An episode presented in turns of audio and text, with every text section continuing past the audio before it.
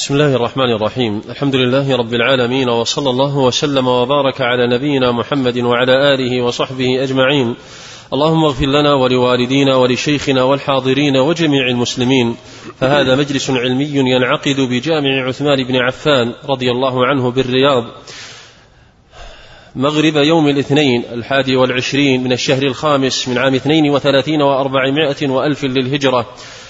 مع معالي شيخنا ووالدنا صالح بن محمد الحيدان حفظه الله ورعاه في شرح عمدة الأحكام.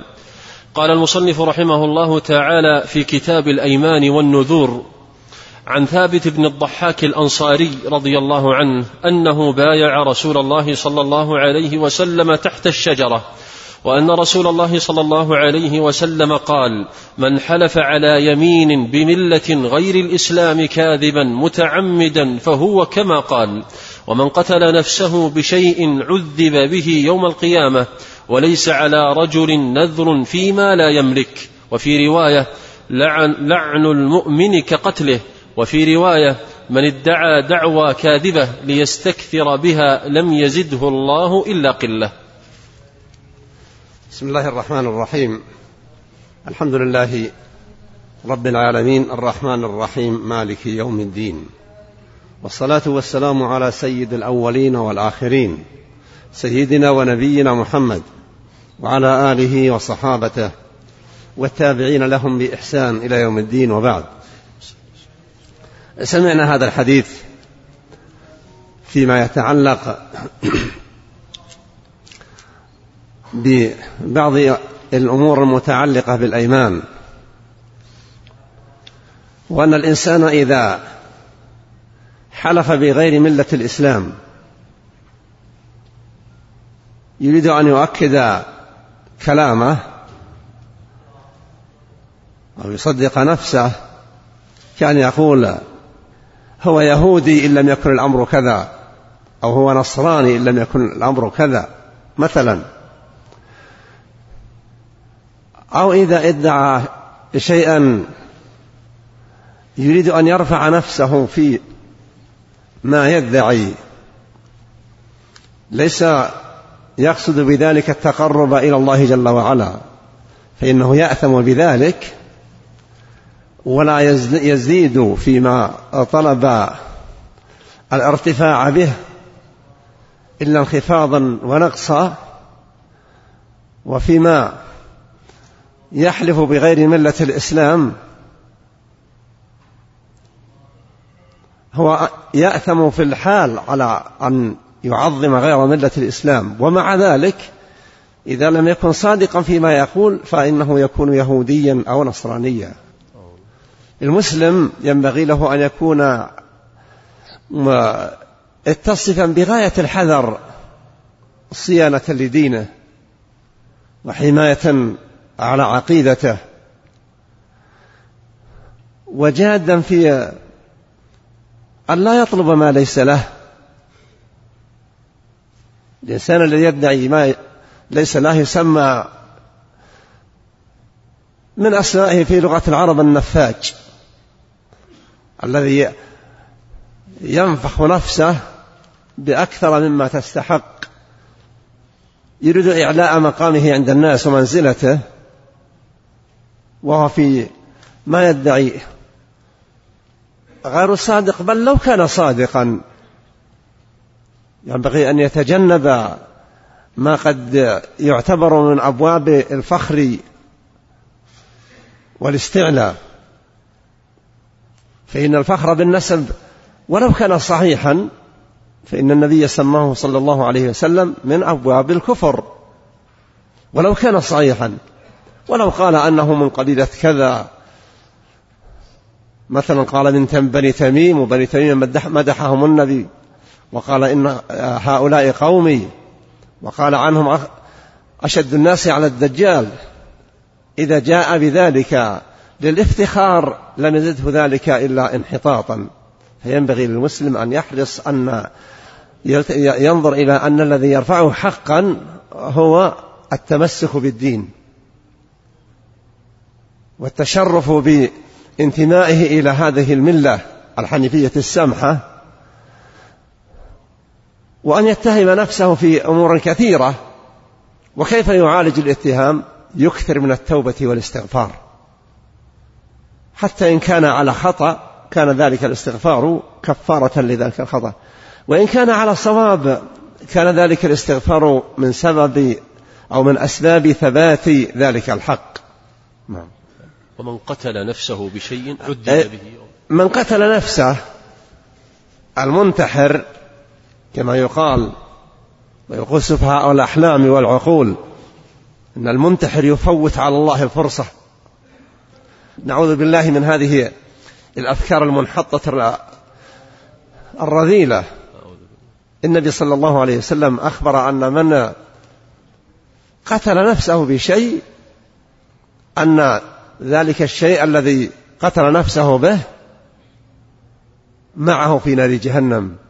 إن قتل نفسه بحديدة بسيف برمح بسكين فآلته معه في نار جهنم يطعن بها نفسه.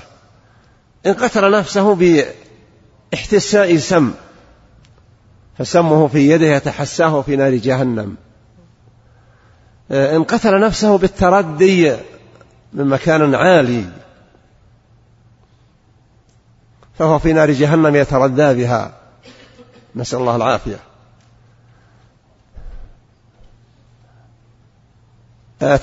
تحرم عليه الجنة إذا قتل نفسه.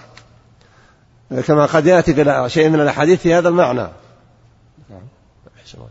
وليس على رجل نذر فيما لا يملك فالإنسان إذا قتل نفسه كما في حديث الرجل الذي أصابته جراح ثم قتل نفسه قال الله بادرني عبدي بنفسه حرمت عليه الجنة. نعم. وليس على رجل نذر فيما لا يملك نأتي إلى أبواب النذور والأيمان. أولا الإنسان ينبغي أن يقلل من استعمال الأيمان. ويحرص على تلافي ذلك. وإذا هم أن يحلف يمينا ينظر. هل الإدلة بتلك اليمين وإلقاؤها طاعة لله؟ فليمضي. وإلا فليلتمس ما يحمله بدون يمين. النذر. أولا النبي صلى الله عليه وسلم نهى عن النذر. وقال إياكم والنذر فإنما يستخرج به من البخيل. يعني في النذور العامة التي فيها يراد منها التقرب إلى الله جل وعلا بذلك النذر. ينبغي للمسلم أن يحرص على اجتناب النذور.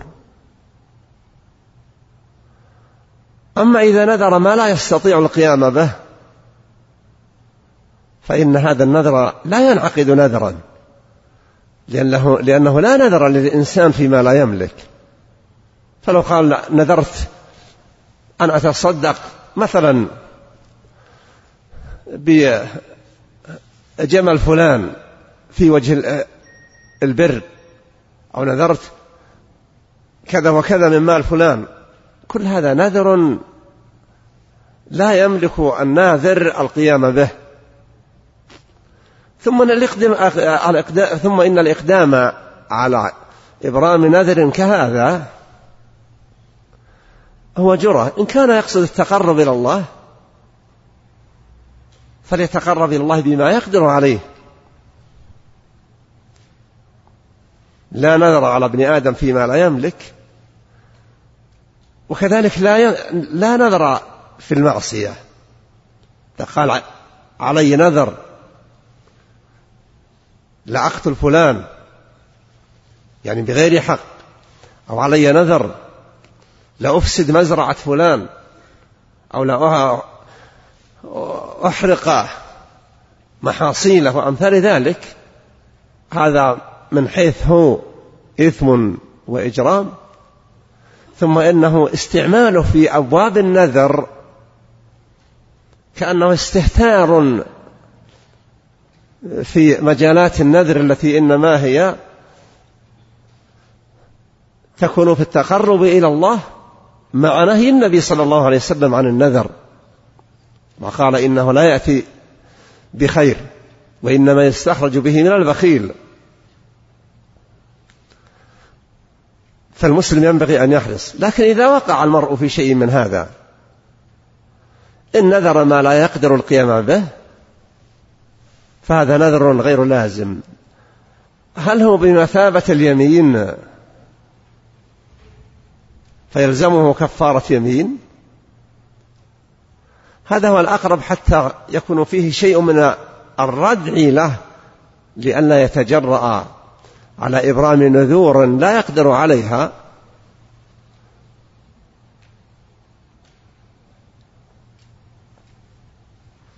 وفي رواية لعن المؤمن كقتله. ثم إن المسلم ينبغي أن يكون عفيف اللسان. كريم الملاقاة والمؤاخاة لإخوانه المسلمين. يحترمهم. ويرفق بهم. ثم يفكر ما معنى اللعن؟ اللعن هو الطرد من رحمة الله. هل يحب هذا لنفسه أن يكون مطرودا من رحمة الله؟ لا يؤمن الإنسان حتى يحب لأخيه المسلم ما يحب لنفسه. ولذلك لعن المسلم إجرام في حق المسلم. وتعد على حدود الله. لأن اللعنة الإنسان إنما هو الرغبة في طرده من رحمة الله. والله جل وعلا لا يتحكم الخلق بشؤونه وتدبيره ورحمته ما أن يشاء رحمته. أو عذابه لمن يشاء أن يعذبه فلعن المسلم كسفك دمه. في الحديث الآخر سباب المسلم فسوق. ولعنه كفر. ولهذا ينبغي للمسلم أن يحسن حراسة لسانه عن أن يتكلم. بما لا يعنيه وبما لا يليق. وإذا اهتم بذلك وحرص على صيانة لسانه وجد من نفسه ارتياحا لمراقبة النفس وانكفافا عن إطلاق الحبل لها على الغارب حتى تسير كيف شاءت. النفس يقول الله جل وعلا إن النفس لأمارة بالسوء إلا ما رحم ربي. فإذا أراد الإنسان أن يتكلم بحق أحد أو يواجه أحدا بما يكره فليفكر في العواقب فليفكر في ثمرات ذلك الموقف. إن كان ما سيقوم به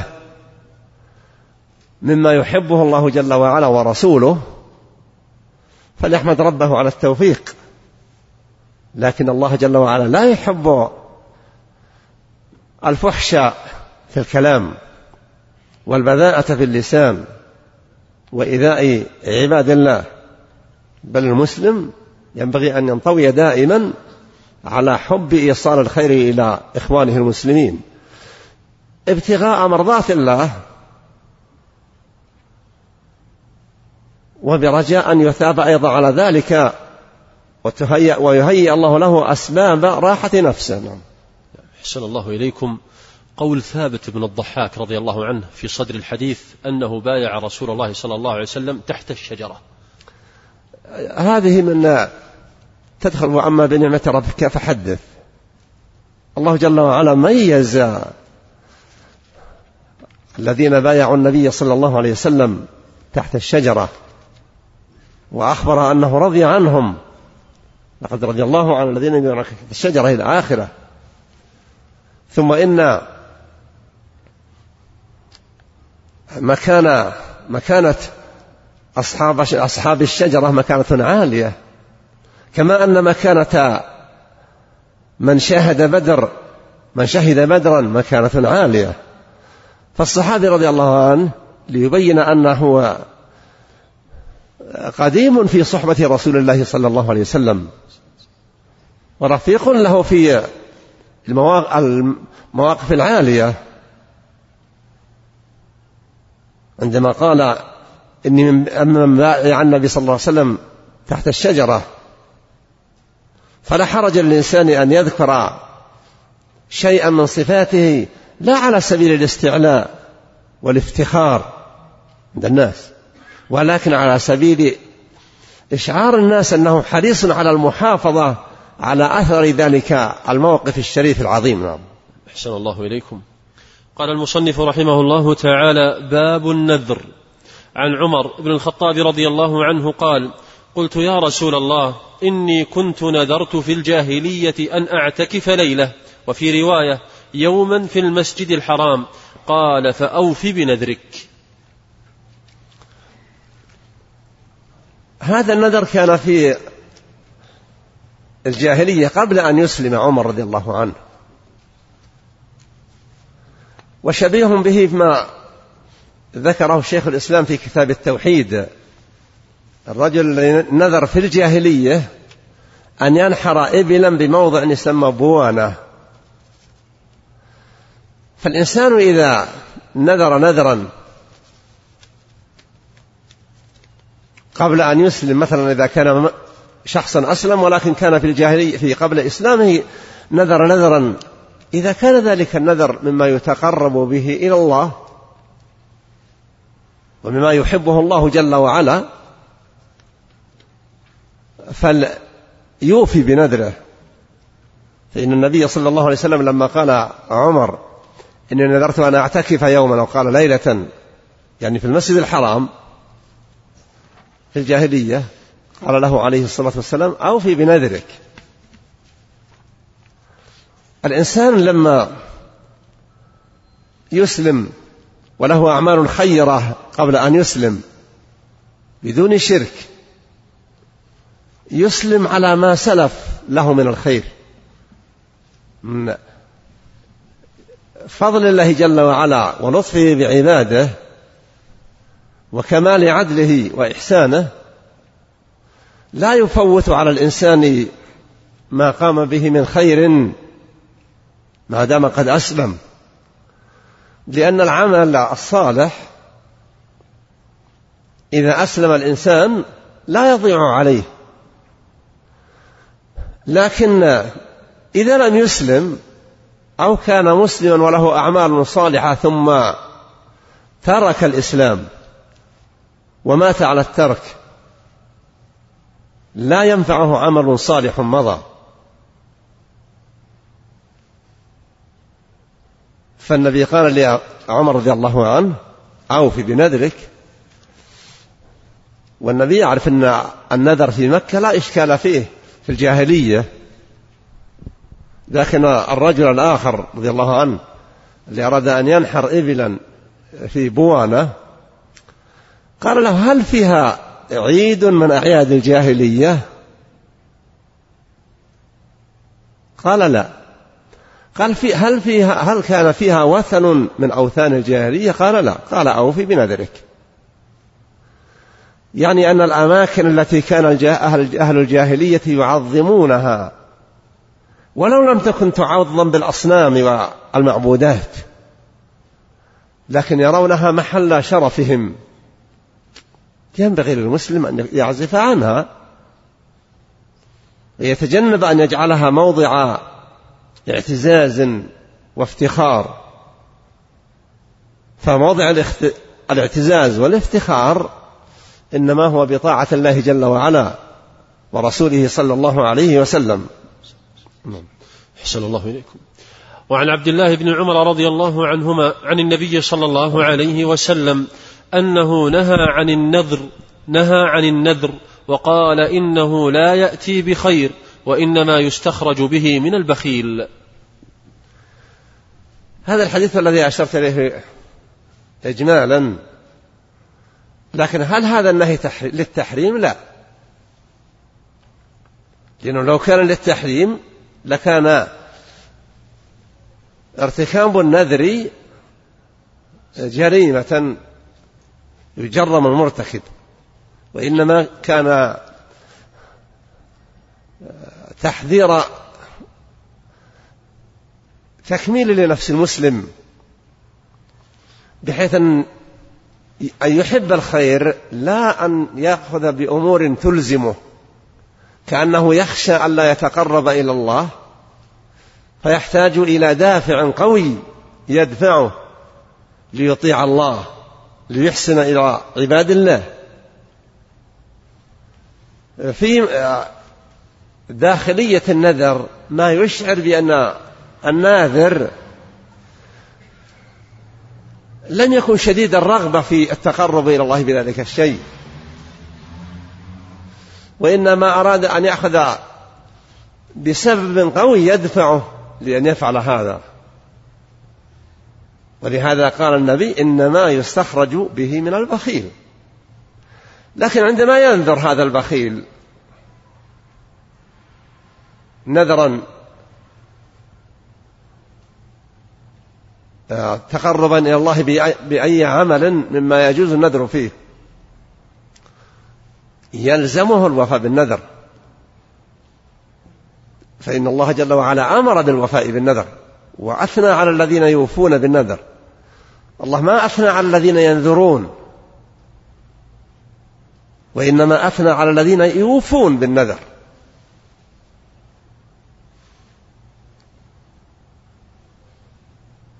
النبي صلى الله عليه وسلم أمر بالوفاء مع تنبيهه وتوجيهه أصحابه رضي الله عنهم وتوجيه وتوجيه مع مع من وتوجيه من يأتي بعدهم. إلى أن لا يتجهوا إلى النذر. إذا هم الإنسان بأن يفعل خيرا فلا يأخذ بأسباب تلجئه لأن يفعل الخير. وأكثر ما يقع الناس في النذر عندما يعلقونه بأمر يحبون أن يأتي أو يحبون أن لا يأتي. فيقولون إن تم كذا وكذا. فلله علي كذا وكذا نذر. أو إن دفع الله كذا وكذا عني فله علي كذا. إذا عقد هذا النذر فعلى الإنسان أن يفي بنذره إلا ما كان من ما لا يملك القيام بتحقيقه فهو يدخل لا نذر في على ابن آدم فيما لا يملك. نعم. أحسن الله إليكم. وعن عقبة بن عامر رضي الله عنه قال نذرت أختي أن تمشي إلى بيت الله الحرام حافية فأمرتني أن أستفتي لها رسول الله صلى الله عليه وسلم فاستفتيته فقال لتمشي ولتركب. الإنسان قد ينذر شيئا إذا فعل فهو طاعة لله مما يتقرب به إلى الله أو قد ينذر شيئا ليس مما يتقرب به إلى الله. وإن لم يكن معصية فهذه المرأة أخت عقبة آه، نذرت أن تحج ماشية. مشيها للحج الله جل وعلا لم يجعله من القرب أن الإنسان يتعب نفسه إلى حج. يريد الله يريد من العبد إذا حج أن يؤدي المناسك على وفق ما شرعه جل وعلا وبالصفة التي أداها النبي عليه الصلاة والسلام لذلك العمل. فلما جاء الرجل يخبر عن نذر أخته قال النبي صلى الله عليه وسلم مرها فلتركب. ولتتم حجها. مجرد مشيها. وإرهاق نفسها في هذه الحركة ليس مما يريده الله من العبد.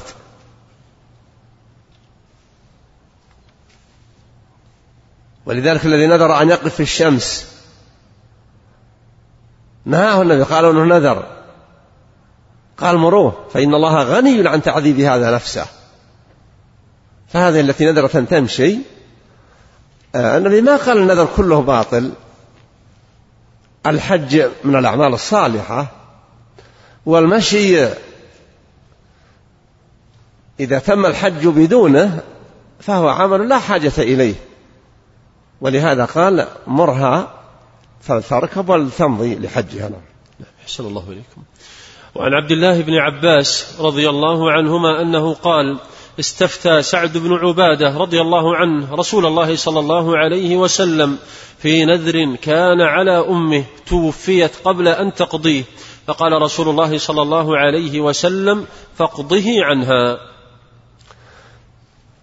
النذر إذا نذر إنسان نذر طاعة ثم توفي قبل أن يقوم إتمام ذلك النذر. إن كان له مال خلفه فإن هذا النذر يكون من الوصايا ومن الديون اللازمة. لا بد أن يقدم على قسمة المواريث. وإذا لم يكن وكان له ورثة من ذرية فالأفضل في حقهم وهو من بر ميتهم أن يوفوا بالنذر. وسعد بن عبادة رضي الله عنه كان مع النبي عليه الصلاة والسلام في سفر في غزوة وتوفيت أمه قبل قدومهم إلى المدينة.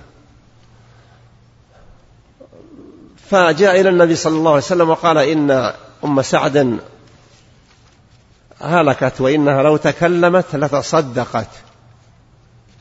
أفينفعها أن أتصدق عنها؟ قال نعم. هذا يبدو أنه ليس هو المذكور في هذا الحديث. ذاك صدقة تطوع وفي حديث ابن عباس أنها نذرت. أن عليها نذرا. فالنبي أخبر بأن يوفي بنذرها. فالإنسان إذا توفي وعليه حقوق مالية للناس وأبناؤه وأولاده قادرون على إعطاء الغرماء ما لهم عند المتوفى كان قيامهم بقضاء ما على والدهم أو والدتهم من البر. فإن كان هناك تركة فإن ما كان ثابتا للغرماء فهو مقدم على قسمة المواريث لأن الله يقول من بعد قصة الدين أو من بعد وصية أو دين. نعم الله.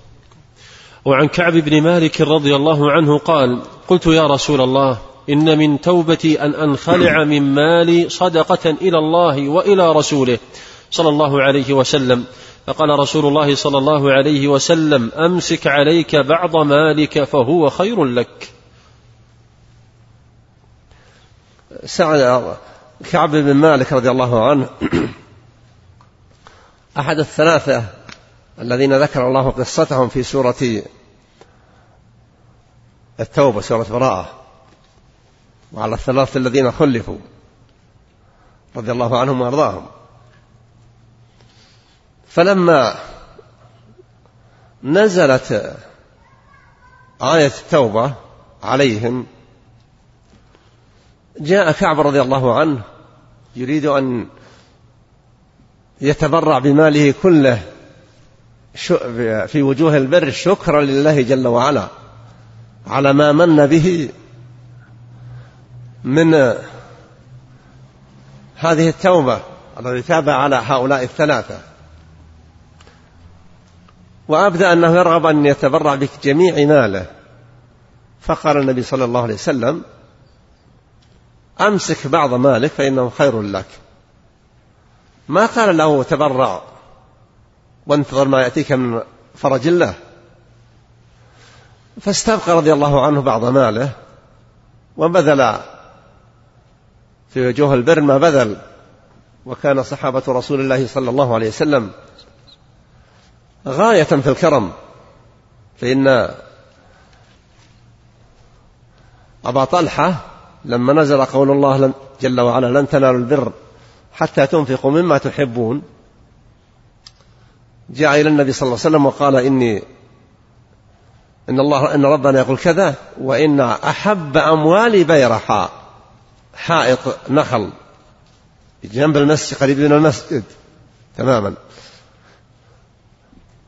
وإني أجعله لله فضعه يا رسول الله حيث شئت. وأفعال الصحابة رضي الله عنهم الخيرة. الذي يحب أن يطلعها يقرأ في سيرهم. وكتب تراجمهم رضي الله عنهم وأرضاهم.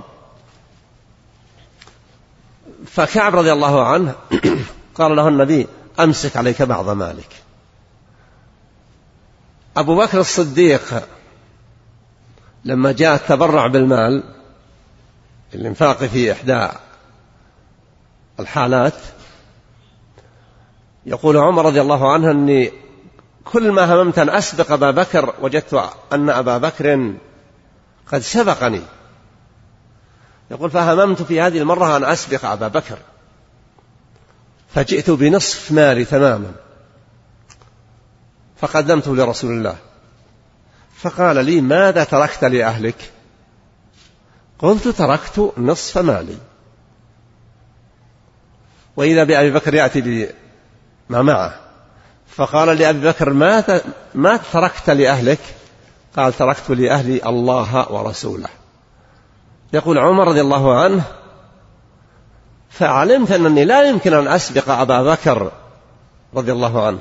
فرضي الله عنهما وعن سائر أصحاب نبينا محمد صلى الله عليه وسلم وأخزى أولئك الرافضة الفجرة الذين يعلنون بدون حياء ولا خجل لكنهم ليسوا أهلا للحياء والخجل.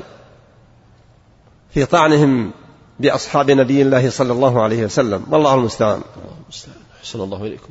قال المصنف رحمه الله تعالى باب القضاء.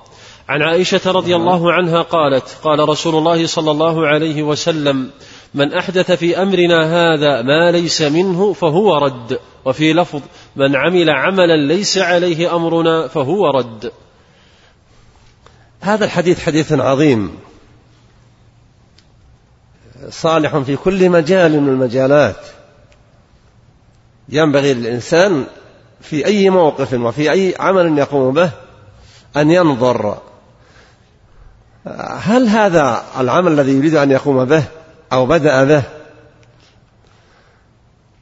يكون تحت أمر رسول الله صلى الله عليه وسلم؟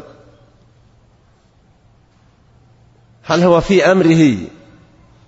هل هو غير مخالف لما جاء عنه صلوات الله وسلامه عليه ليفكر في ذلك؟ فإن الحديث في الصحيح في لفظ في الصحيحين وفي لفظ في صحيح مسلم من عمل عملا ليس عليه أمرنا فهو رد. وفي لفظ من أحدث في أمرنا هذا ما ليس منه فهو رد. يعني مردود عليه. يأثم أيضا بهذا الدخول إلا إن استغفر ربه جل وعلا وتاب. وهذا يصلح للقاضي للمفتي لكل من يتولى عملا عليه أن يفكر. هل ما سيقوم به؟ أو هل ما قام به؟ منضو تحت أمر الله وأمر رسوله صلى الله عليه وسلم. هل عليه سمة الأمر وأنه غير مضاد لأمر الله وأمر رسوله صلى الله عليه وسلم؟ إن وجد أنه نافع ولا يضاد أمر رسول الله فليحمد الله على التوفيق. وإن وجد غير ذلك فليتراجع وليعتذر إلى ربه جل وعلا بالتوبة والاستغفار. والندم على ذلك المضي والعزم على الاحتياط مستقبلا أن يحرص على محافظة على المحافظة على نفسه بإلزامها بالانقياد لأمر الله جل وعلا وأمر رسوله صلى الله عليه وسلم.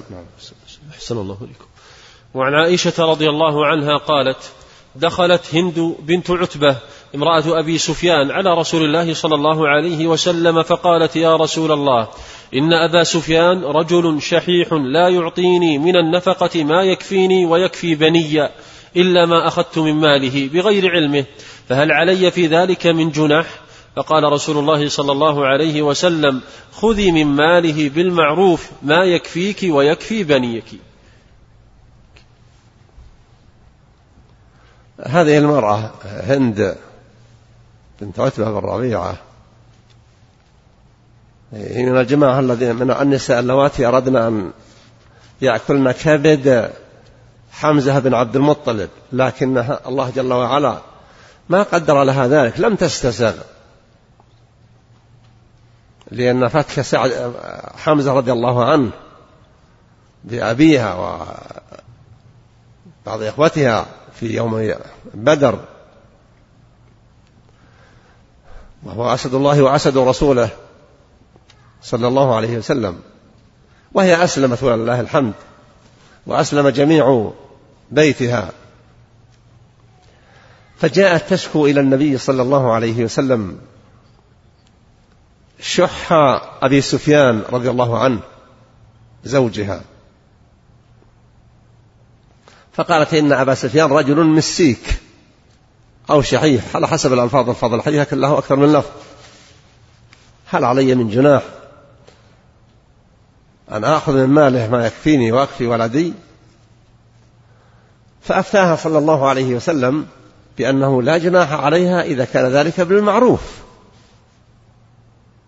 يعني إذا أخذت ما جرت العادة والعرف أنه ينفق على مثلهم.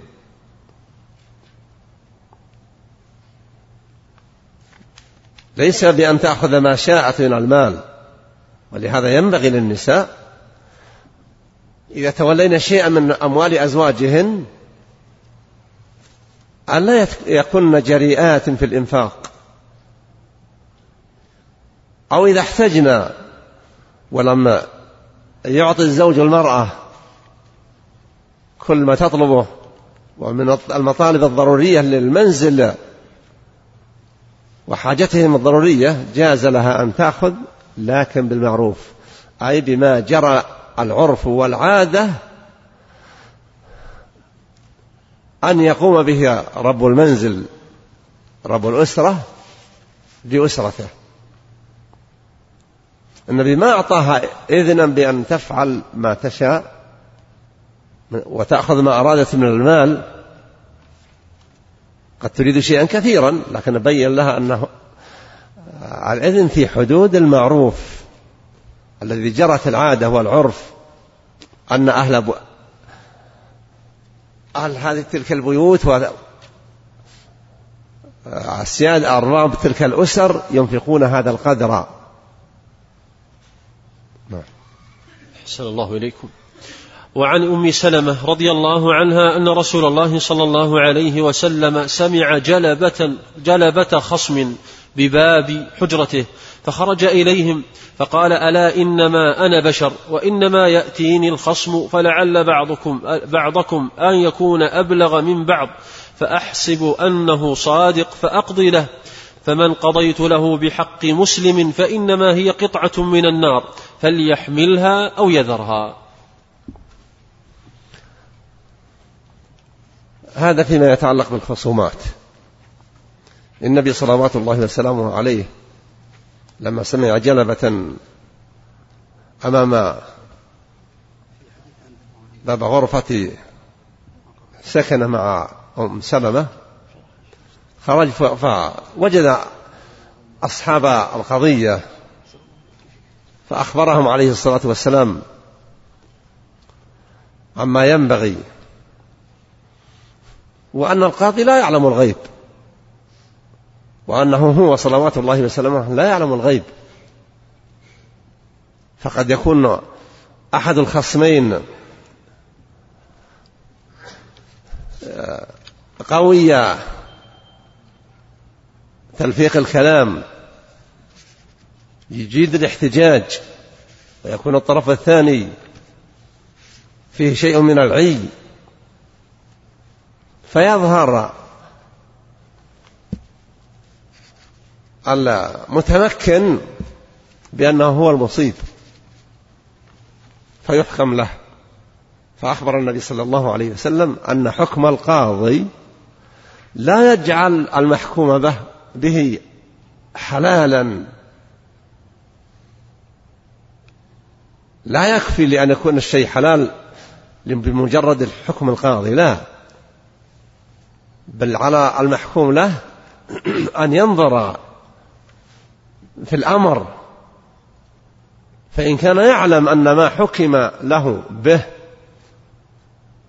شيء من حق أخيه ولكنه استحقه بلحن كلامه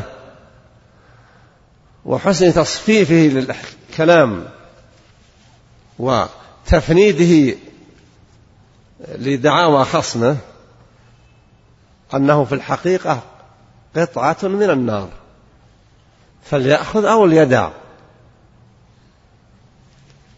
يعني أن حكم القاضي لا يبرئ ذمة المحكوم له. بل عليه أن ينظر هو ويتأمل. والغالب أن المتخاصمين يعرف كل واحد منهم هل هو مصيب أو لا. وإن كان في بعض الأمور تكون الحال ملتبسة على الخصمين وعلى القاضي. فالقاضي إذا تبين له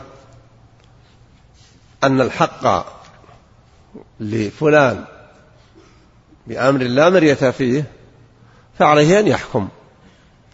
وإذا كان مستشكلا فليعرض على المتنازعين الصلح.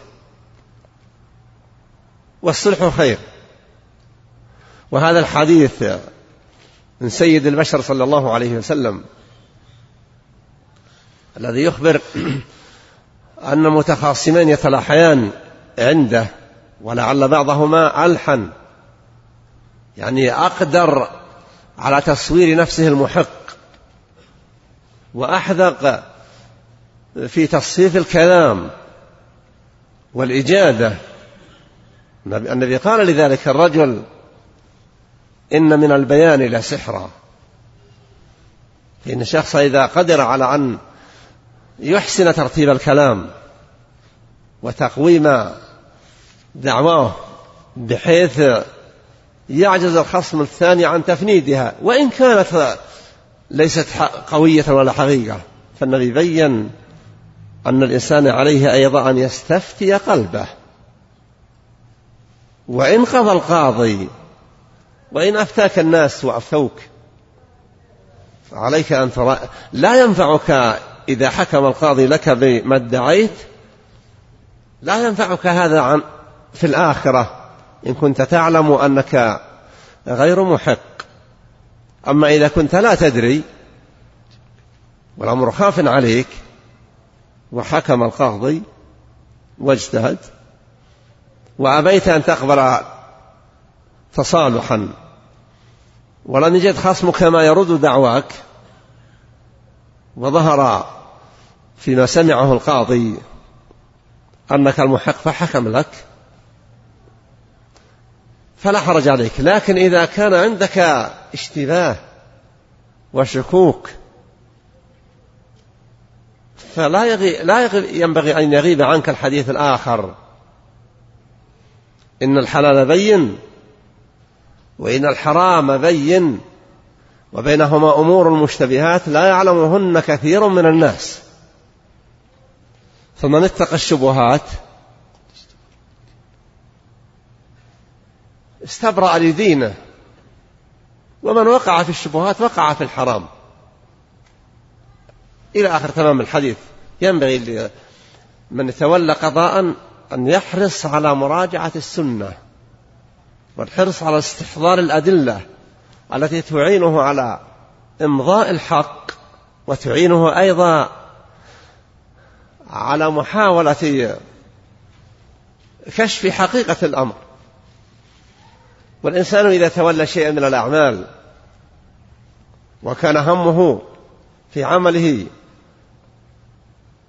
تحقيق مرضاة الله جل وعلا والله يعلم الصح صدق ذلك منه فإن الله لا يدعه يتركه بل يسدده ويعينه كما في قصة عبد الرحمن بن سمرة الذي قال له هو سيأتي لا؟ لا لا لن يأتي. يا عبد الرحمن بن سمرة لا تسأل الإمارة. فإنك إن أعطيتها عن غير مسألة أعنت عليها. وإن أعطيتها عن مسألة وكلت إليها. فالإنسان يحرص على أن تكون رغبته تحقيق مرضاة ربه جل وعلا. ومحاولة أن يصل إلى الحق لأن الوصول إلى الحق مهم في سائر المجالات نعم. الحديث سبق أحسن الله. حديث عبد الرحمن بن سمرة سبق الدرس الماضي. أحسن الله إليكم. مسألة هنا مسألة حكم القاضي بعلمه. هل يقضي القاضي بعلمه؟ أحسن الله إليك. لا لا يقضي القاضي بعلمه. وليس معنى أنه لا يقضي القاضي على بموجب العلم الذي يعلمه لكن إذا تخاصم اثنان الأصل في, في هذه الخصومات أن البينة على المدعي واليمين على من ينكر. أن القاضي لا يحكم لفلان لأنه هو يعلم أن الحق له. يعني علما خارجا عن القضية. فلا يقضي القاضي بعلمه. لكن لا يحل له أن يقضي بما يضاد علمه.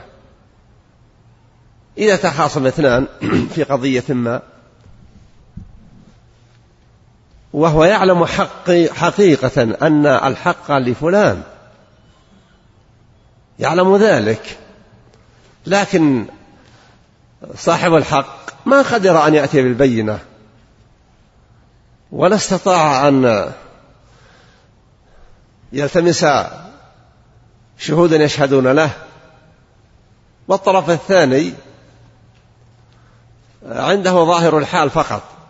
القاضي لا يحكم بالقضية للطرف الثاني وهو يعلم بيقين أن الحق لذاك.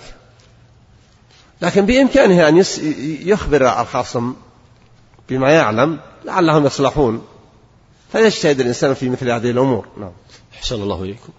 وعن عبد الرحمن بن أبي بكر في من أهل العلم من يقول أن القاضي يحكم بعلمه لكن لا, لكن لا يقولون في مثل هذه الحقائق بالطريقة هذه. أما كونه يحكم بموجب علمه في أصول القضايا وتهيئتها فهذا لا شك لا يصلح للقضاء إلا إذا كان عنده علم يعتمده في النظر في القضايا واستخراج الحق من طرفي النزاع. نعم. وعن عبد الرحمن بن أبي بكرة رضي الله عنه قال كتب أبي وكتبت له إلى ابنه عبد الله بن أبي بكرة وهو قاض بسجستان بسجستان. لا تحكم بين اثنين وأنت غضبان. فإني سمعت رسول الله صلى الله عليه وسلم يقول لا يحكم أحد بين اثنين وهو غضبان. وفي رواية لا يقضين حكم بين اثنين وهو غضبان.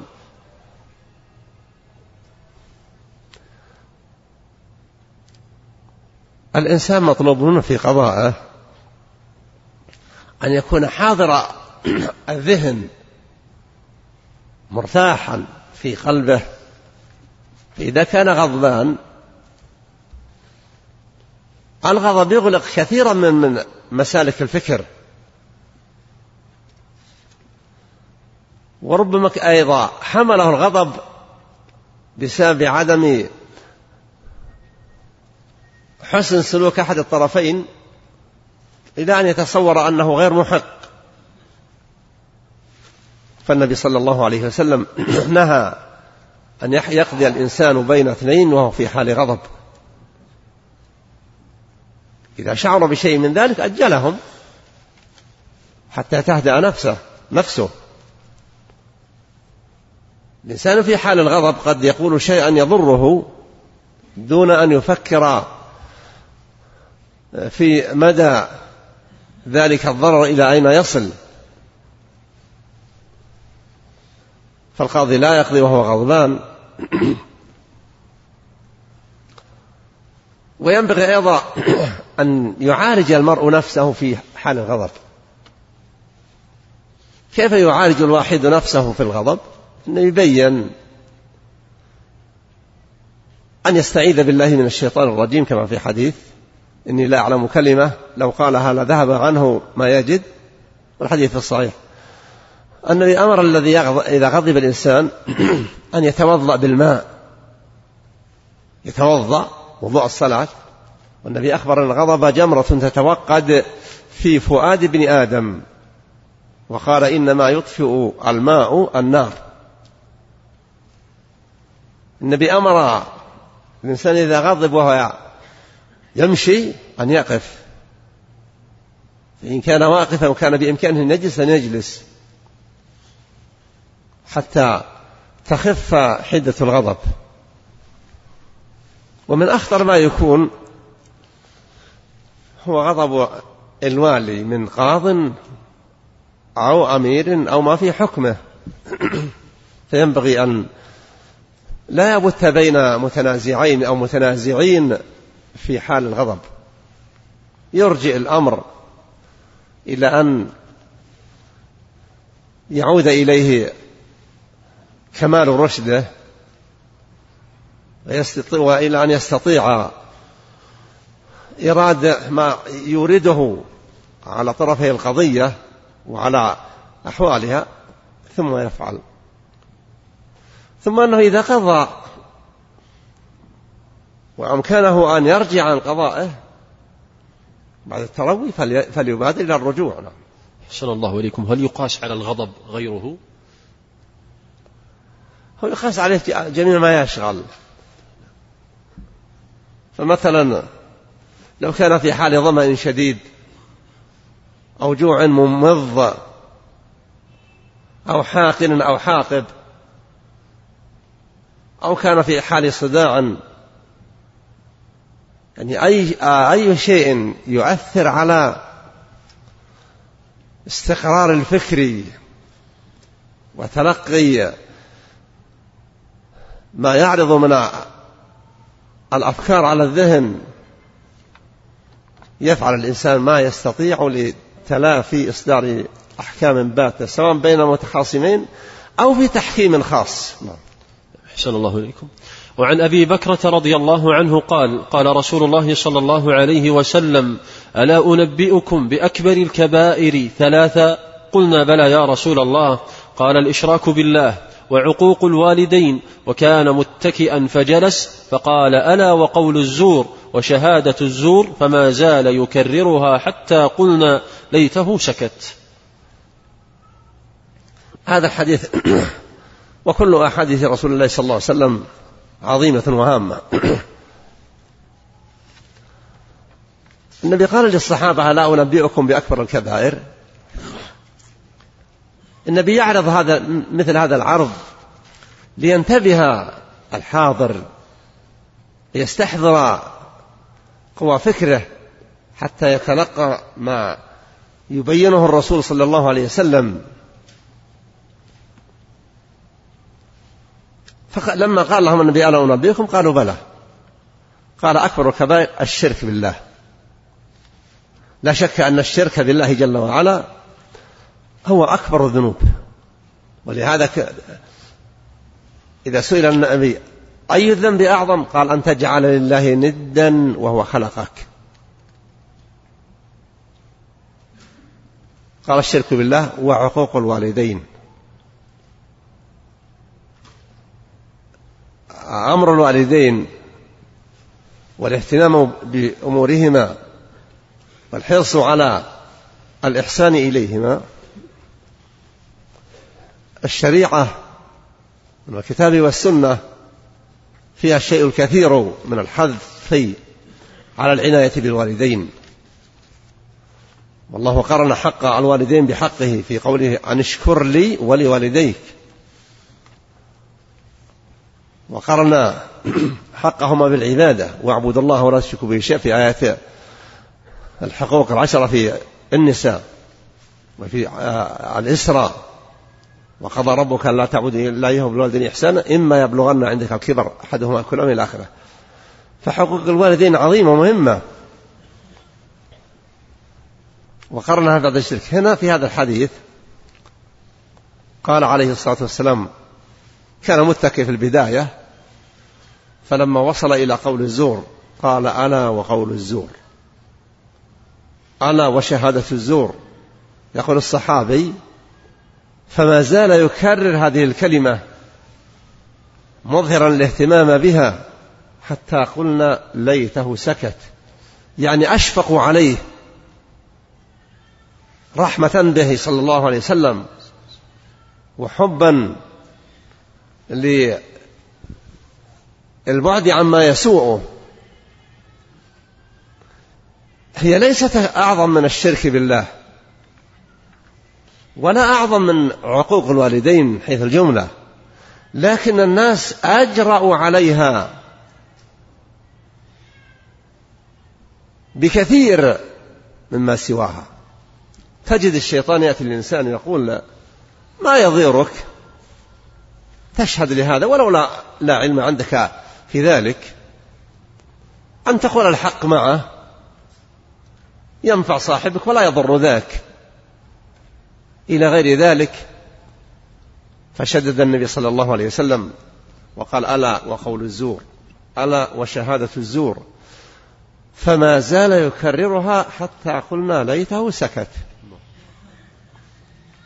فينبغي للإنسان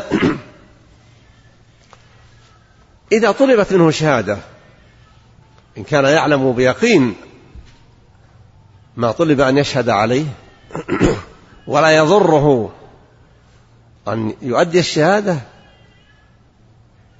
وقد طلبت أن يؤديها يؤديها. لكن لا ينبغي أن يكون للعاطفة وحب وحب أحد طرفي القضية ما يحمله على التحمس في أداء الشهادة إن كان أداؤها ينفع صاحبه أو التباطؤ والتساهل بإظهار عدم الاهتمام لا. الشهادة ينبغي للإنسان يعرف أنها أمانة وأن الله سائل من عنده أمانة عن أمانته ويسأله في موقف لا يجد مجالا للتخلص من تبعات إهدار الأمانة. وفيما يتعلق بشهادة الزور. إذا شهد الإنسان زورا لشخص ما إما بإعفائه من حق لولا شهادة هذا لوجب أو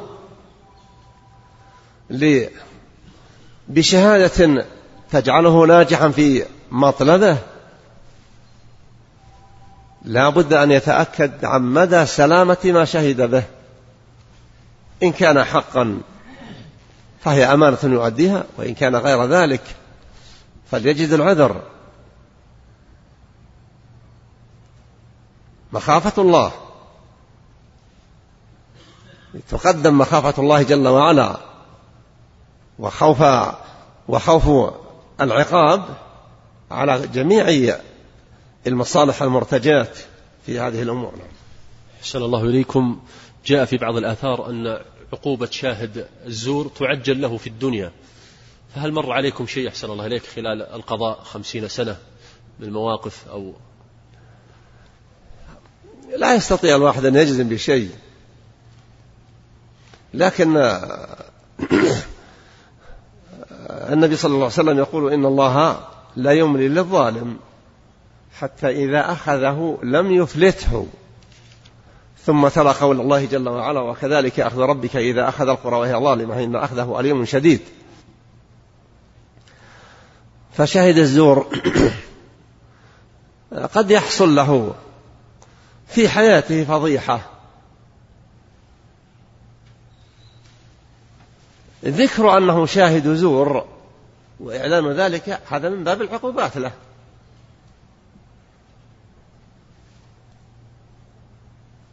والإنسان مهما كان يظن أنه قد أخفى ما كان عنده فإن ما يكون عند ابن آدم قل أن يستمر في خفا وكما يقول الشاعر الجاهلي ومهما تكون عند امرئ من خليقة وإن خالع تخفى على الناس تعلمي يعني مهما كان الإنسان أراد أن يستخفي لأن صديق اليوم قد يكون عدو غد فقد يفضحه صديقه. والدنيا في مصا... كثيرا ما تفضح الناس المصالح. أحسن الله إليكم.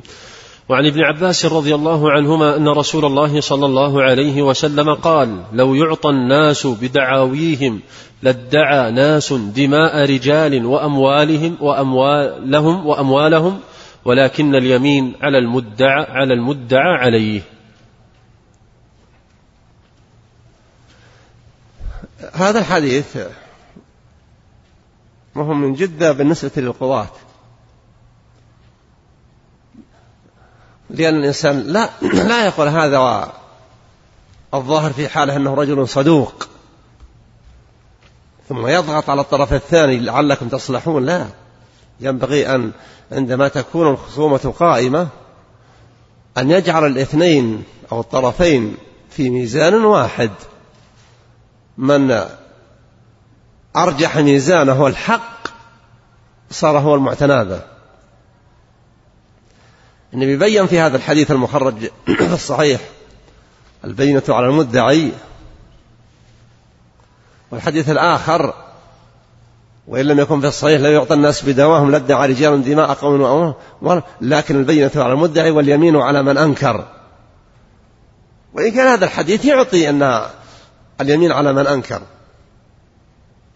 لكن الذي يطالب بالبينة مدعي الحق. وتأتي قضايا تكون الحال صاحب اليد له وضع معين أي من كانت العين المدعاة في, في يده يكون له موقع إلى آخره. كل, كل هذا مما ينبغي للقاضي إذا صار قاضيا أن يحرص على است انباط وسائل معرفة الحق ثم ينبغي للإنسان الذي يكون قاضيا أن يكثر من قراءة كتب العلماء فيما يتعلق بأعجام أعمال القضاة وأحكام القضاة السابقين وما قيل عنه وما قالوه وما قيل عنهم. يكثر من القراءة وسيجد بحول الله ما يعينه ثم يحرص على الإكثار من قراءة الأدلة أدلة الأحكام من الأحاديث والآيات والله المستعان أحسن الله إليكم. سماحة الوالد هذا السائل يقول هل كتم الشهادة إذا كان في أدائها مضرة على مؤديها محرم؟ الله جل وعلا قال ومن يكتمها فإنه آثم قلبه. لكن إذا كان يحصل له ضرر بأداء هذه الشهادة ضرر محقق ولا يستطيع منعه ولا, ولا دفعه ولا يضيع حق صاحبه صاحب الشهادة اللي يريد الشهادة أرجو أنه لا حرج في ذلك. نعم. أحسن الله إليكم. يقول جاء في الحديث من حلف على يمين بملة غير غير الإسلام كاذبا متعمدا فهو كما قال. هل يعني هذا تكفيرا لمن قال ذلك وهل هذا مكفرا من مكفرات الإسلام؟ هذه من أحاديث الوعيد. فإنه إذا قال ذلك بملة معظما تلك الملة بهذا هذا اليمين. يعني كأنها في نفسه أعظم من ذكر الله من الحالف بالله جل وعلا.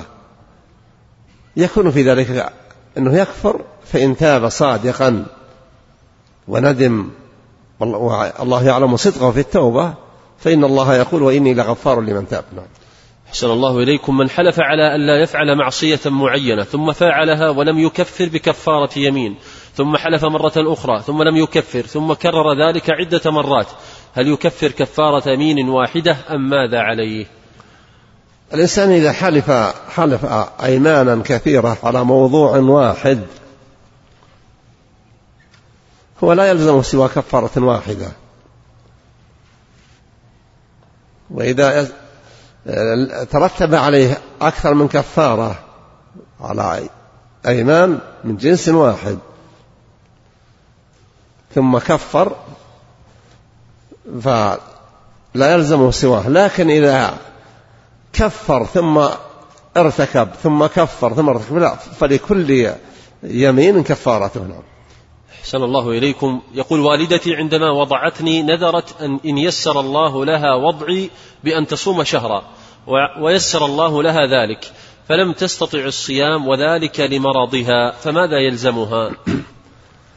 أرجو أن يكفيها أن تطعم مسكينا عن كل يوم. فتكون كمن عجز عن الصيام فتكفر. وإن تولى ذلك الصيام عنها من ذويها وقرابتها فإنه داخل في حديث من مات وعليه صوم صام عنه وليه. أحسن الله إليكم. يقول لقد نذرت إن نمت عن الصلاة أن أصوم يوما واحدا في كل يوم في كل مرة فهل هذا النذر صحيح؟ هذا في الحقيقة خرج مخرج الأيمان. لكن ينصحك أنا أن تكفر كفارة يمين وإذا صارت عندك هذه الرغبة تجر عندك أكثر من ساعة. إذا سكتت هذه وانتهت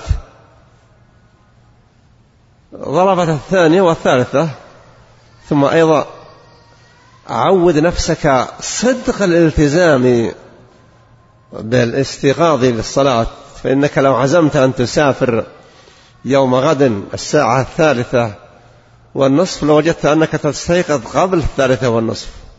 إنما الأمر بالهمم نعم. أحسن الله إليكم. يقول هل سباب أصحاب الملل الباطنية كالشيعة وغيرهم؟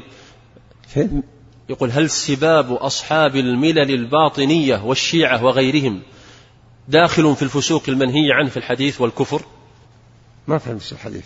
يقول الحديث آه، آه، لعن المسلم كقتله أو سباب المسلم. هل سباب أولا شيء تأكد عن مدى إسلام من ذكرت.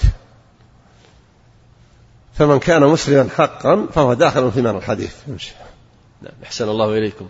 يقول شيخنا الفاضل البعض من الشباب هداهم الله تجده يلعن أخاه ويسبه ويشتمه والبعض يقول وهو كثير يا يهودي أو يا, يا غيرها من العبارات فنريد كلمة توجيهية حول ذلك. أحسن الله إليكم.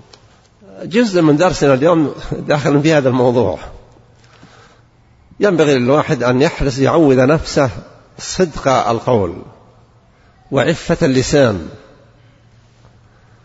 وأن يعامل الناس بما يسره أن يعاملوه به.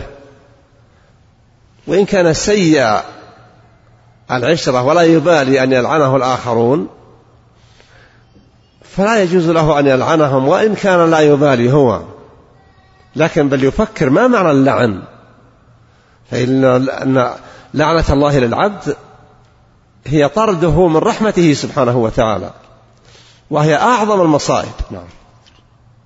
أحسن الله إليكم. يقول والله إني أحبك في الله يا شيخنا وأسألك امتدح الله سبحانه وتعالى الذين يوفون بالنذر لكن لا وفاء بنذر إلا إلا بنذر وهو الوسيلة. وهل الوسيلة تأخذ حكم المقصد؟ فالوسيلة النذر فيكون مطلوبا. أحبك الله وأحبنا جميعا في هذا المكان. آمين. لكن ما فهمت السؤال اللي وضعه السؤال أحسن الله إليك. يقول إن الله عز وجل امتدح الذين يوفون بالنذر. هذه واضحة. ولا وفاء بنذر إلا بنذر. بنقد إلا بنذر. يعني أنذر حتى أدخل في هذا الفضل. وهذا أمر مشكل. تحتاج إلى نذر ثالث ورابع. لا عود نفسك. إذا التزمت كن كريما في الوفاء بالالتزام. احرص على أن تنتفع بقول النبي صلى الله عليه وسلم إياكم والنذر. فلا تقدم على نذر إلا إذا علمت بيقين أنك سوف تنفذ وأنك قادر ثم إذا نذرت فبادر في الحال. على الوفاء بالنذر. حتى لا تتراكم عليك هذه الأمور فتكون من الذين لا يوفون بالنذور. نعم. يقول أحسن الله إليكم نذرت أن أذبح شاة وكان عمري خمسة عشر أو ستة عشر سنة. فهل يلزمني إذا كبرت أن أوفي بذلك النذر؟ ما أدري لماذا نذرت ذبح هذه الشاة. نذرتها صدقة لوجه الله أو لأهلك وبيتك. لأن النذر الذي ينبغي للإنسان أن يقوم به هو ما كان طاعة طاعة لله جل وعلا. ورأيي لك إذا قدرت أن تذبح شاة وتتصدق بلحمها. أحسن الله إليكم. يقول رجل له أختان صار صار لهما حادث فنذر إن, شفا إن, شفا إن شفاهما الله أن يذبح جملا لكن ماتت واحدة منهن وشفيت الأخرى فما الحكم في حقه؟ ما أظنه يقصد أنه ماتت إحداهما على شيء. هو حريص على شفائهما فشفي أحدهما ولم يشفى الآخر. رأيي له أن يذبح بعير ويتصدق بلحمه على الفقراء. أحسن الله عليكم. آخر سؤال في النذر يقول نذرت إن فعلت الذنب الفلاني لأكوين نفسي بالنار كيا بسيطا لكي أزجر نفسي ألا أفعل الذنب وفعلت ولم أصب بأذى بحمد الله. فما حكم فعلي هذا؟ هو لا شك أنه فعل سيء. تعذيب نفسك بالنار. لأنك ارتكبت. يجب أن تتوب إلى الله جل وعلا توبة صادقة. وتستعرض هذا الموقف كلما طرأ لك تفكير في أن ترتكب الذنب. وقد يوافيك الأجل قبل أن تتدارك. الإنسان يتكل أحسن الله إليكم. هل من السنة أن يمشي الإنسان حافيا؟ وهل ورد ذلك خاصة في المقابر؟ في المقابر ينبغي أن لا يمشي الإنسان بالنعلين بين القبور وعليها النبي نهى الرجل الذي عليه نعلين سبتيتين قال يا صاحب السبتيتين ونهاه عن مشي على القبور. لكن إذا يمشي على شيء لا قبور فيه فلا حرج عليه. وفي حديث ليس لها الدرجة. احفظوا وانفعلوا وتمعددوا لكن أيضا ينبغي للواحد أن يعود نفسه أنه قادر أن يسير بدون حذاء. لأنه قد يأتي الوقت أو أي أمر يحدث يكون لا حذاء له ولا يستطيع أن يستحضره. يعود نفسه على قدرة على السير بدون حذاء. والناس في قديم الزمان تارة ينتعلون وتارة لا ينتعلون. أحسن الله إليكم. يقول عمتي رحمها الله قد أحرقت نفسها بغاز الاسطوانة وذلك لمشكلة مع زوجها. وقد حججت واعتمرت وتصدقت عنها. فهل هي داخلة في الحديث الذي درسناه اليوم؟ النبي صلى الله عليه وسلم أخبر أن من قتل نفسه بشيء فهو معه في جهنم. واستثناؤها من الحديث غير وارد والجزم بأنها داخلة في هذا الحديث أيضا. هذا علمه عند الله جل وعلا وقد ماتت. حتى لو كانت مظلومة من زوجها لا يحل لها أن تحرق نفسها. الشخص الذي قتل نفسه وكان لا يترك شاذة ولا فاذة في الجيش ليتعاقبها. وأعجب الصحابة فعله. ومدحوه فقال النبي هو في النار. فتوكل رجل به يلاحقه حتى أصيب بجراحة فلم يصبر عليها. فوضع عقب السيف في الأرض وذبابه بين ثدييه وتحامل له حتى خرج من ظهره. فأخبر النبي صلى الله عليه وسلم فقال النبي صلى الله عليه وسلم أشهد أني رسول الله. يعني ألم أقول لكم أنه في النار. والحديث الذي قد يكون مر علينا قريب أن الشخص الذي قطع أصيبت يده فقطعها بالسكين فما استمر الدم ينزف حتى مات. فقال الله جل وعلا بادرني عبدي بنفسه لقد حرمت عليه النار. حرمت عليه الجنة. الشخص الذي يدعى تركي الحمد كاتب في كاتب يقول إن الله يعني لا يعني هذا الذي ينتحر فوت الفرصه على الله. نسأل الله العافية. أحسن الله إليكم. يقول ما الواجب للزوج في حق زوجته من حيث زيارتها لأهلها إذا كان يشق على الزوج كثرة ذلك للبعد والتكلفة المادية على الزوجة أن لا تلح في طلب الزيارة. والزوج يملك عدم الإذن لها. ما دام أن الأمر يشق عليه. بل الفقهاء ذكروا أنها لو كان والدها يسكن في البيت الذي تحت بيتها وزوجها لا يأذن لا تذهب لزيارته فكيف في أسفار وتكاليف؟ ينبغي أن تحرص المرأة أيا كانت على توفير أعلى أسباب راحة زوجها ليتم التعاون بينهما. ثم أيضا لترد الذرية في جو من المحبة والتصافي. نعم. أحسن الله إليكم. يقول أنا من خارج المملكة وسأسافر إلى بلدي وسيكون خط السير من الرياض إلى جدة وأتوقف في جدة يوم أو يومين وأنا عازم على أن أعتمر في مدة التوقف وسؤالي هل يلزمني الإحرام من الرياض أم من محاذاة الميقات أو أحرم من جدة؟ علما أن اختيار خط السير لم يكن لغرض العمرة فقط.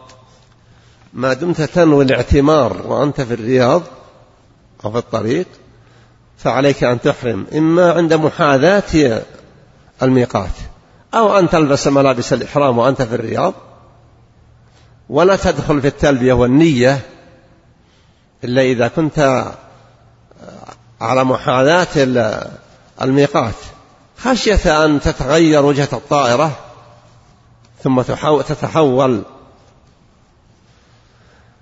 وإذا خشيت فاشترط أنك إن تحولت الطائرة إلى المدينة مثلا تتحلل وأنت لك ما تشترط نعم. حسن الله إليكم. يقول هل نأخذ الحق من المبتدع ونترك الباطل أم نأخذ الحق فقط؟ يقول هل نأخذ الحق من المبتدع؟ هل يقبل الحق من المبتدع؟ ما أدري ما, ما أدري الحق المطلوب هذا. أي حق؟ إذا تكلم أو نصح أو لا ينبغي أن يكون صاحب الباطل موجها حتى لئلا ترتبط القلوب به وتطمئن إليه ويدس في نصائحه وأفكاره وحديثه ما يفسد العقيدة. ينبغي أن يجتنب. نعم. وحديث أحسن الله إليك الشيطان مع أبي هريرة رضي الله عنه. كيف هذا يستشهد به أحسن الله إليك؟ كيف يرد أو يتعامل معه؟ معروف معروف. هذا حديث أبي هريرة. الرجل ثلاث مرات يمسكه أبو هريرة ليرفعه إلى الرسول ويتوسل ليطلقه. ما كان يعرف أنه شيطان. في الثالثة لما علم أنه لا مجال للاعتذار الرفعة قال دعني أعلمك كلمات. فعلمه كلمات. أولا لم يأخذه أبو هريرة معتمدا على هذا القول. حتى أخبر النبي وقال النبي قد صدقك وهو كذوب. أي أن هذا حق. آية الكرسي تنفعك؟ فهو ما اعتمده لأن هذا الشيطان قاله نعم. أحسن الله إليكم. يقول هل الخلاف في مسألة العذر بالجهل خلاف سائغ بين أهل السنة؟ العذر بالجهل بالنسبة للشرك لا يقبل من أحد عذر عن الشرك. من أشرك فهو غير معذور. إن تاب من الشرك فالتوبة تمحو ذلك. وأما بقية الأمور التي يكون الإنسان يجهل الحكم فيها ولم يتيسر له بيان الحق فهو معذور. أما أن يقول والله هذا ارتكب كذا ما علم يجهل هذا الأمر. الناس لا يولدون علماء. وإنما يتعلمون. نعم. أحسن الله إليكم. يقول آه، ابتلينا في الجنادرية ببعض المنكرات كالحفلات الغنائية والمعاكسات والاختلاط بين الرجال والنساء وخاصة ما حصل بالأمس من أحد الوزراء عندما جمع, جمع الطلاب والطالبات وأخذ يحدثهم. فما موقفنا نحن من ذلك؟ يعني كيف أخذ يحدثهم؟ ما أعلن اليوم في الصحف أحسن الله إليك. والله ما قرأت ولا صحيفة. وعلم في الصحف أنه جمع الطلاب والطالبات وأخذ يتحدث معهم في حوار مباشر. وزير التربية يعني في في مجلس واحد؟ نعم نعم في الجنادرية. ولا يفصل بعضهم ولا يفصل. وغيره يا شيخ غير الحفلات الغنائية الرقص والرقص والطبول وغيرها التي تحصل. حتى الإخوة في الهيئة يذكرون ذلك كثيرا يعني وتواتر. موقف المسلم عندما يزور مثل هذا المكان أحسن كثر السؤال. كل حال أول شيء ينبغي أن لا يزوره الإنسان إلا لينكر لكن والله هذا أمر عجب. إذا كان بالطريقة دي يعني هم سبق أنهم سووا شيء من هذا أظن في العام الماضي أو في أول هذه السنة وجعل النساء في موقع والرجال في موقع لكن المتكلم والمتكلمة أمام الجميع. لكن هذا يصير يتخاطبون فيما بينهم ويتحاورون. فتيان وفتيات؟ هذا والله منكر لا شك فيه. الله المستعان. الله المستعان. أحسن الله إليكم. هذا يسأل أيضا وتكرر تقريبا في ثلاثة أسئلة. يقولون وقبل ذلك هذا سؤال من العراق. أحسن الله إليكم. يقول امرأة خطف زوجها من قبل عصابات الإجرام في العراق واتصلوا بأهله لطلب الفدية ولم يكن عندهم ما يدفعون قيمة الفدية وبعد يومين اتصلوا بهم ثانية. وقالوا قتلنا الرجل وطلبوا فدية لتسليم جثته ولم يكن عندهم ذلك فلم يسلموا جثته حتى اليوم ولم يظهر الرجل ولم يعرف عنه شيء رغم مرور خمس سنوات على ما تقدم. وحصلت الزوجة أخيرا على قرار من المحكمة العراقية باعتبار الزوجة أرملة من تاريخ القرار وليس من تاريخ ذلك الخبر. فما هو الصواب؟ أحسن الله إليكم في هذا. هل يعد ذلك الاتصال الذي ورد إليهم مع القرائن المذكورة كافيا في إثبات مقتل الزوج من ذلك التاريخ؟ وسبب السؤال يقول موت أم الزوج خلال هذه الخمس سنوات وترتب على ذلك ميراث وغير ذلك. بالنسبة للميراث من يقسم التركة وهو من أهل العلم يعرف كيف يقسمها بدون شك. وبالنسبة للخبر الذي يقبل إنما يقبل خبر الثقات. وأما الكذبة الفجار فخبرهم لا يعتمد لا في أن الزوجة قد مات زوجها ولا أن المال يقسم. لكن إذا كان يغلب على الظن أنه مات تقسم التركة على هذا الأساس ذاكرين. الشخص الذي يفقد في وضع الغالب على من يفقد فيه الوفاة. يعامل على أنه متوفى. وإذا كان باحتمال غير ذلك على شيء موضح في كتب الفقه في هذا الشيء. لكن اعتماد الخبر الأول والثاني أنه حق هذا يحتاج إلى أن يكون مخبر ثقة عدلا. نعم. أحسن الله إليكم. هذا سؤال تكرر ويقولون سماحة الشيخ تطايرت الأخبار وسمعنا وشاهدنا آه، كلامك حفظك الله ورعاك حول المظاهرات في سوريا وموقف أهل سوريا من ذلك. إذا كان الأمر كذلك جوزت لهم المظاهرات في سوريا فلماذا لكم موقف أيضا في تحريم ذلك في هذه البلاد؟ فما الفرق بين ذاك وذاك؟ هناك وهنا أنا لم أجوز في وقت من الأوقات المظاهرات أيا نوعها. لا في مصر ولا في سوريا ولا في ليبيا ولا في تونس ولا في غيرها. أصل المظاهرات ليست المظاهرات هي وسيلة لنصرة الحق ولا لقمع الباطل. وإنما تحدثت عن سوريا وما قلت لأن حاف لأن بشار الأسد نصيري والحزب الذي ينتمي إليه حزب البعث الخبيث الذي يزعمونه هو مجال التشريع. فأنا لا لست أعلن لكني أنا أسأل الله أن الله ينصر السوريين على حكومتهم الفاسدة. فليس هذا أني أعلن المظاهرات. لا المظاهرات في أي كان نوعها لا تحل. لكن المظاهر لما يكون الحاكم كافر والناس قادرون على أن يزيحوه مع ثقتهم بأن سوف يحقنون الدماء؟ هذا شيء آخر هذا ليس معناه أن كلامي مختلف في المظاهرات. على كلامي في المظاهرات حتى في الأيام دروس الحرم في أيام الصيفيات عدة مرات واسأل عن المظاهرة وبين أنها محرمة. لذلك علمت أن الشيخ يوسف القرضاوي انتقد موقفي هذا إنه يقول إن فلان يقول إن المظاهرات حرام هذه إنما هذه المظاهرات تظاهرات إنما هي لنصرة حق حول هذا الكلام. ولذلك لما بدأت المظاهرات أشرت إلى في من هذا المكان إلى أن كلامي أزيده تأكيدا لأن بعض الناس يزعم أنني قلت أنه يرى أن هذا خطأ مني. فأنا أؤكد أن ولذلك أكدت في أول مرة هنا قلت إن أول مظاهرة في الإسلام وجدت كانت تلك المظاهرة التي قتل فيها عثمان الخليفة الراشد ثالث الخلفاء الراشدين وأحد العشرة مشهد لهم بالجنة وهو الذي قال له ما على عثمان ما عمل بعد اليوم يقول النبي صلى الله عليه وسلم إلى غير ذلك. لكن الناس يحولون الكلام إذا بلغهم على قد ما يتبينون هم أنه يحتمله ولا يحل الإنسان أن يحور كلاما عن آه، إلى ما يجد أنه يمكن أن يحتمل ذلك الكلام. يجب على من ينقل كلاما أن ينقله بنصه حتى تكون العهدة على ناقله. نعم. حسن الله إليكم. شكر الله لكم. وبارك الله فيكم شيخنا.